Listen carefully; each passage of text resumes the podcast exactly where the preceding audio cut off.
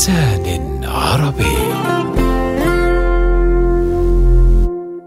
الحصار الاقتصادي على العراق. حرب صامتة. سلاحها التجويع غلقت الأبواب.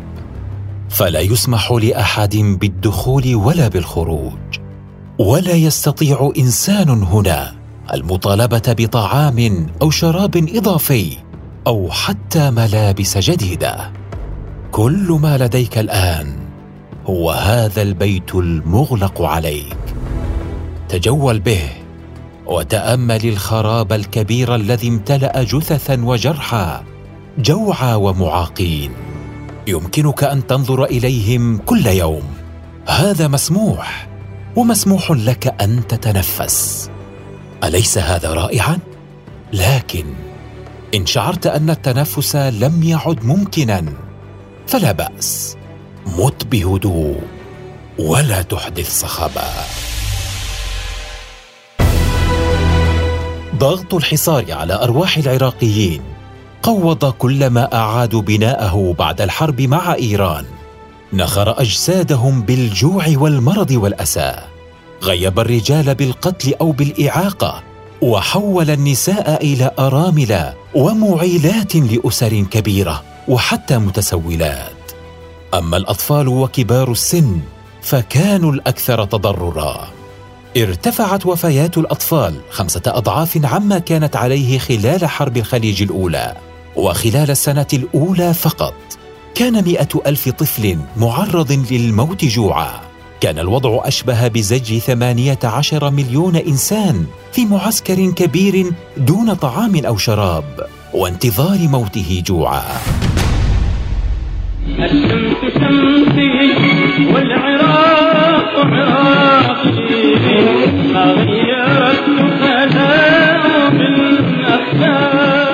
لم تكن علاقات العراق مع الكويت تسير بشكل جيد.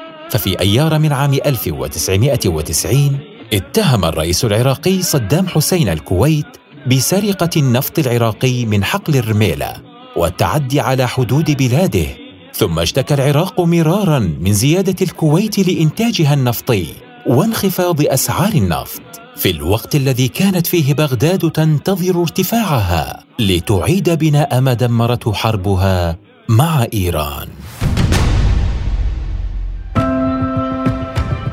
نفت الكويت الاتهامات العراقية وطالبت العراق بتسديد ديونه التي أعطته إياها خلال الحرب مع إيران غير أن صدام حسين وفي كلمة له في تموز 1990 اتهم الكويت مجددا وقال بأنه سيقوم بالرد المناسب على ذلك. في الأجواء كانت تحوم مخاوف من مجازفة قد يقوم بها صدام حسين.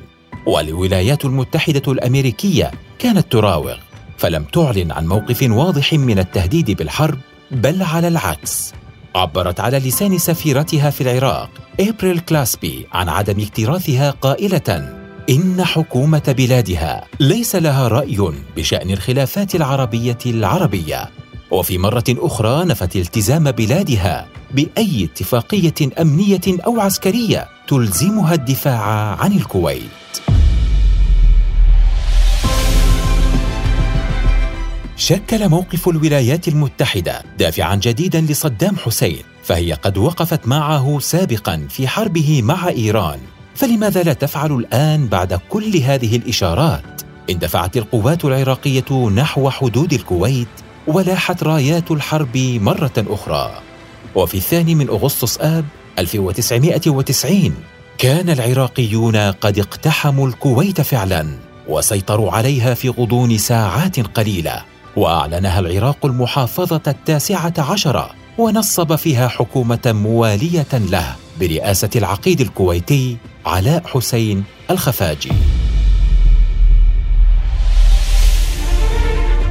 اهتز الرأي العالمي لهذا الحدث فعقد مجلس الأمن الدولي في اليوم نفسه جلسة طالب فيها العراق بالخروج الفوري من الكويت دون شروط غير أن العراق لم يستجب. فأصدر بضغط أمريكي في السادس من آب قراره بفرض حظر اقتصادي على العراق وطالب جميع الدول بالامتناع عن إجراء أي تبادلات معه.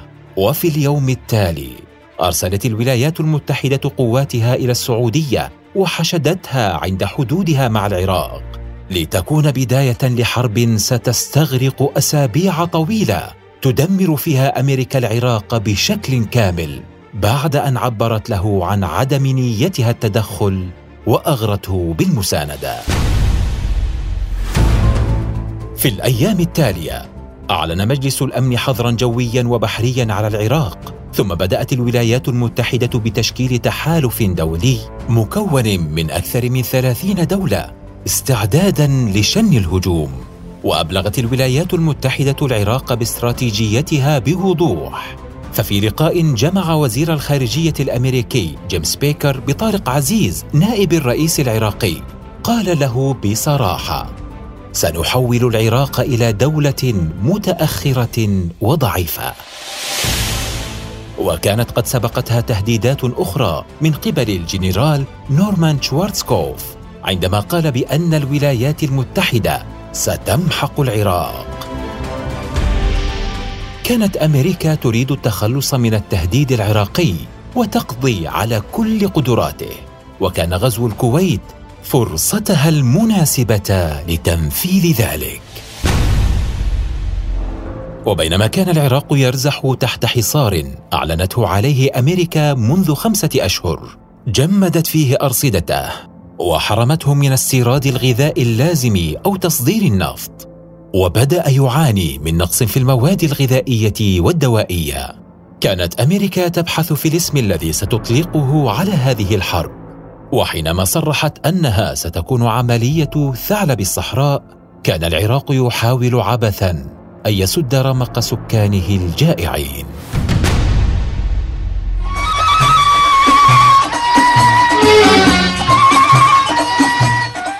كان إعلان الحرب يخدم الاستراتيجية الأمريكية فعبرها ستستخدم أسلحة جديدة لم تتح لها الفرصة بعد لتجريبها في حرب حقيقية. كما أن الحرب ستحسن من حظوظ بوش الأب في الرئاسة مرة أخرى وستستعرض فيها الولايات المتحدة قوتها وسلطتها أمام الاتحاد السوفيتي المتهاوي وأمام دول العالم بأكمله. وتحذرهم من مصير يشبه مصير العراق فيما لو فكروا بالخروج عن سلطتها.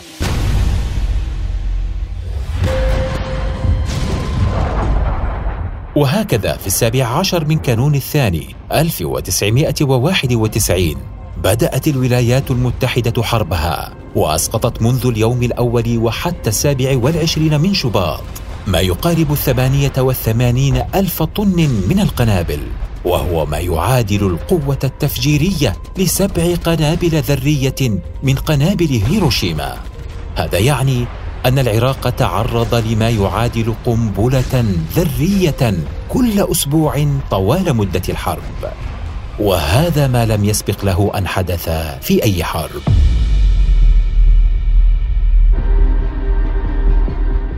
كان إطلاق صفة الحرب على الهجوم الأمريكي غير مناسب تماما فهي حرب من طرف واحد. شن فيها الطيران الأمريكي مئة ألف طلعة جوية خلال شهرين فقط.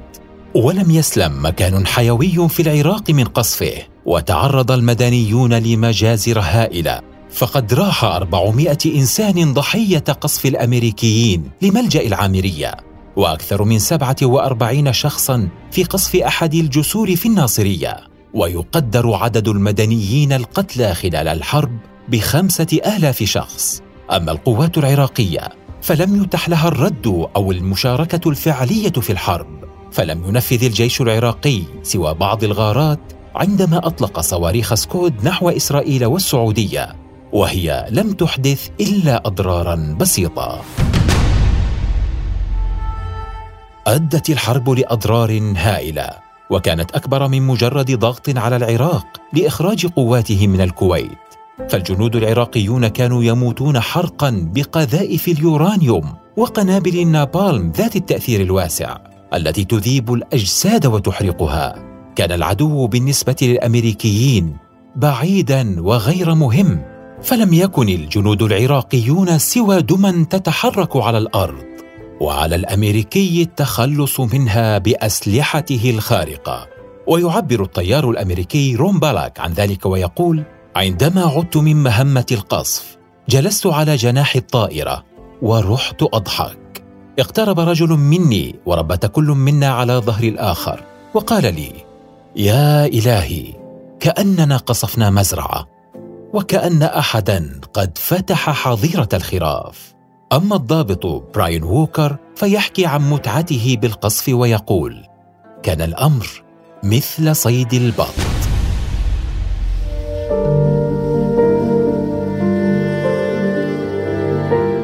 استسلم العراق لشروط الأمم المتحدة في الخامس والعشرين من شباط من عام 1991 وبدأ بسحب قواته من الكويت غير أن هذا لم يكن ليشفع له عند الأمريكيين. الذين استمروا بارتكاب المجازر فبينما كانت أرتال الجيش العراقي تنسحب شنت الطائرات الأمريكية غاراتها وقصفتهم بالقنابل العنقودية التي تقطع اللحم البشري.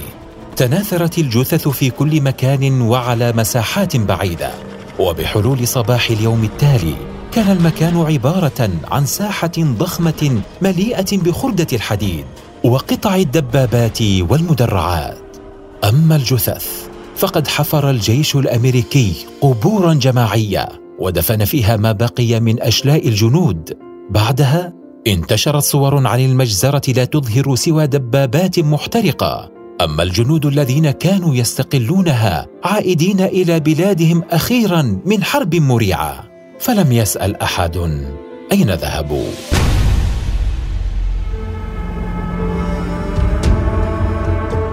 تشير التقديرات أن مئة إلى مئتي ألف عراقي قتلوا أثناء الحرب وأصيب ما يقارب سبعمائة ألف آخر. أما البنى التحتية فلم يبق منها شيء فقد قصفت مصافي النفط والجسور ومحطات الكهرباء وتصفية المياه ومعامل تصنيع الغذاء والدواء والحليب المجفف وكل طرق المواصلات. أعيد العراق إلى زمن ما قبل الصناعة. تم تحطيمه بالكامل وفرض عليه حظر من كل الجهات فلا يستطيع إعادة بناء نفسه. وحين تنفس العراقيون الصعداء بانتهاء الحرب قررت أمريكا إبقاء الحصار مفروضا عليهم إلى أمد غير معلوم. وحكمت على الملايين بالموت ببطء ودون إيه أسلحة.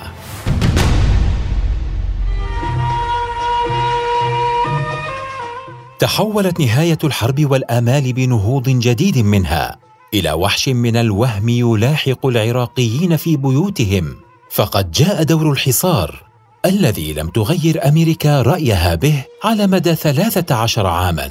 وأصرت رغم التقارير الدولية المخيفة عن آثاره ومخاطره والموت الذين سلبهم الجوع حياتهم على الاستمرار به حتى سقوط نظام صدام حسين. حصرت العراق من كل جهاته ومنعت جيرانه من إدخال أي مواد يحتاجها والحال أن نظام صدام حسين لم يتأثر بالحصار. الناس فقط هم الذين أماتهم الحصار جوعا وامراضا. كانت البنى التحتية منهارة بشكل تام ولا أمل بإصلاحها فلا مواد أساسية تدخل إلى العراق. النظم الصحية خرجت عن الخدمة ومحطات تصفية المياه محطمة وهذا أدى لتلوث مياه دجلة وشرب الناس لماء حمل إليهم امراضا ظنوا أنها انقرضت كالكوليرا وحمى التيفوئيد لم يكن لدى الناس شيء ليأكلوه ولا عمل لديهم فحين تدمرت البنى التحتية صرف آلاف العاملين من أعمالهم ففاقم من انتشار البطالة وبالتالي استشراء الجوع والفقر. وبين العام 1991 1993 كان العراق على شفا خطوة واحدة من مجاعة رهيبة.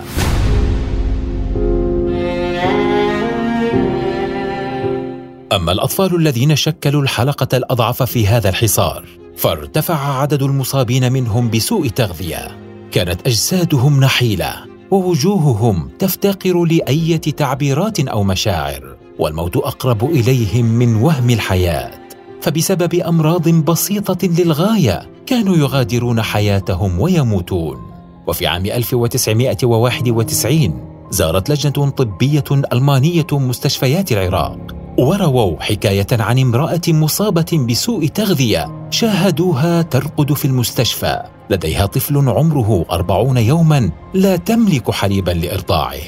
وحين عثرت على الحليب المجفف في السوق السوداء لم تستطع دفع ثمنه وبالماء الممزوج بالسكر كانت تغذيه طوال الوقت.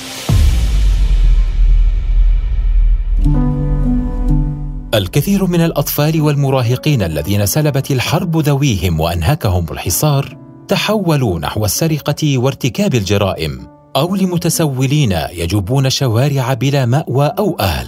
وفي مدن لا يملك سكانها الكثير ليقدموه لهم. كان الكثير منهم يموتون جوعا على الأرصفة وفي الأزقة المعتمة. كان الحصار أشبه بحرب صامتة.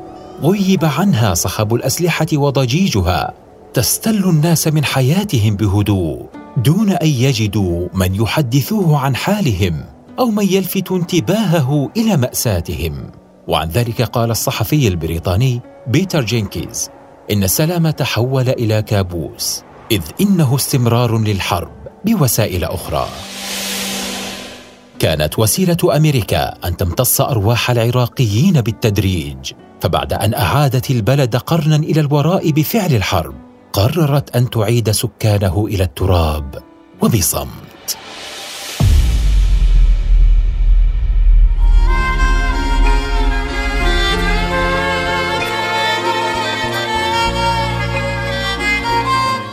كان العراق يعد من البلدان النامية المرفهة يقدم لسكانه كل حاجاتهم من الخدمات التي تؤمن لهم حياة جيدة. ويمنحهم فوق حاجتهم من الغذاء.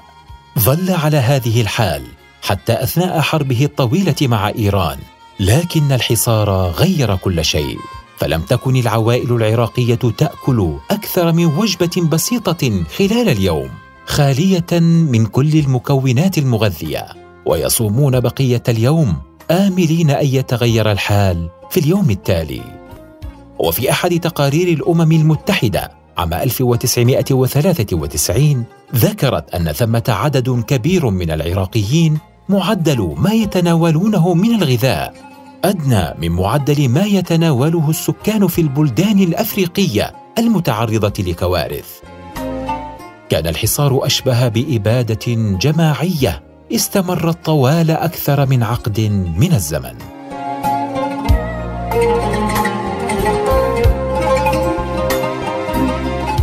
واجه العراقيون طوال ثلاثة عشر عاما. سلاحا كان أشد عليهم من أي حرب وسلب منهم حيوات أكثر مما فعلت الحروب. أكثر من مليون شخص راحوا ضحية الحصار خلال السنوات الأربع الأولى منه. وفي السنوات التي تلت كان المعدل يستمر بالارتفاع. نساء أرامل يعلن أسرا كبيرة اطفال مصابون بسوء التغذية الحاد يموتون من نسمة هواء. رجال دمرت أجسادهم الحرب. مراهقون وشباب خسروا دراستهم وأعمالهم وخرجوا إلى الشوارع يؤدون أعمالا مهينة ليكسبوا لقمة عيشهم. وكل هذا لم يكن يكفي ليتناولوا أكثر من وجبة طعام خلال اليوم.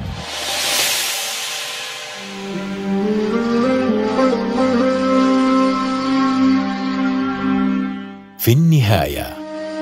انتهى الحصار الاقتصادي عمليا بعد الغزو الأمريكي للعراق عام 2003 وانشغل الناس بأحداث وكوارث جديدة حلت عليهم.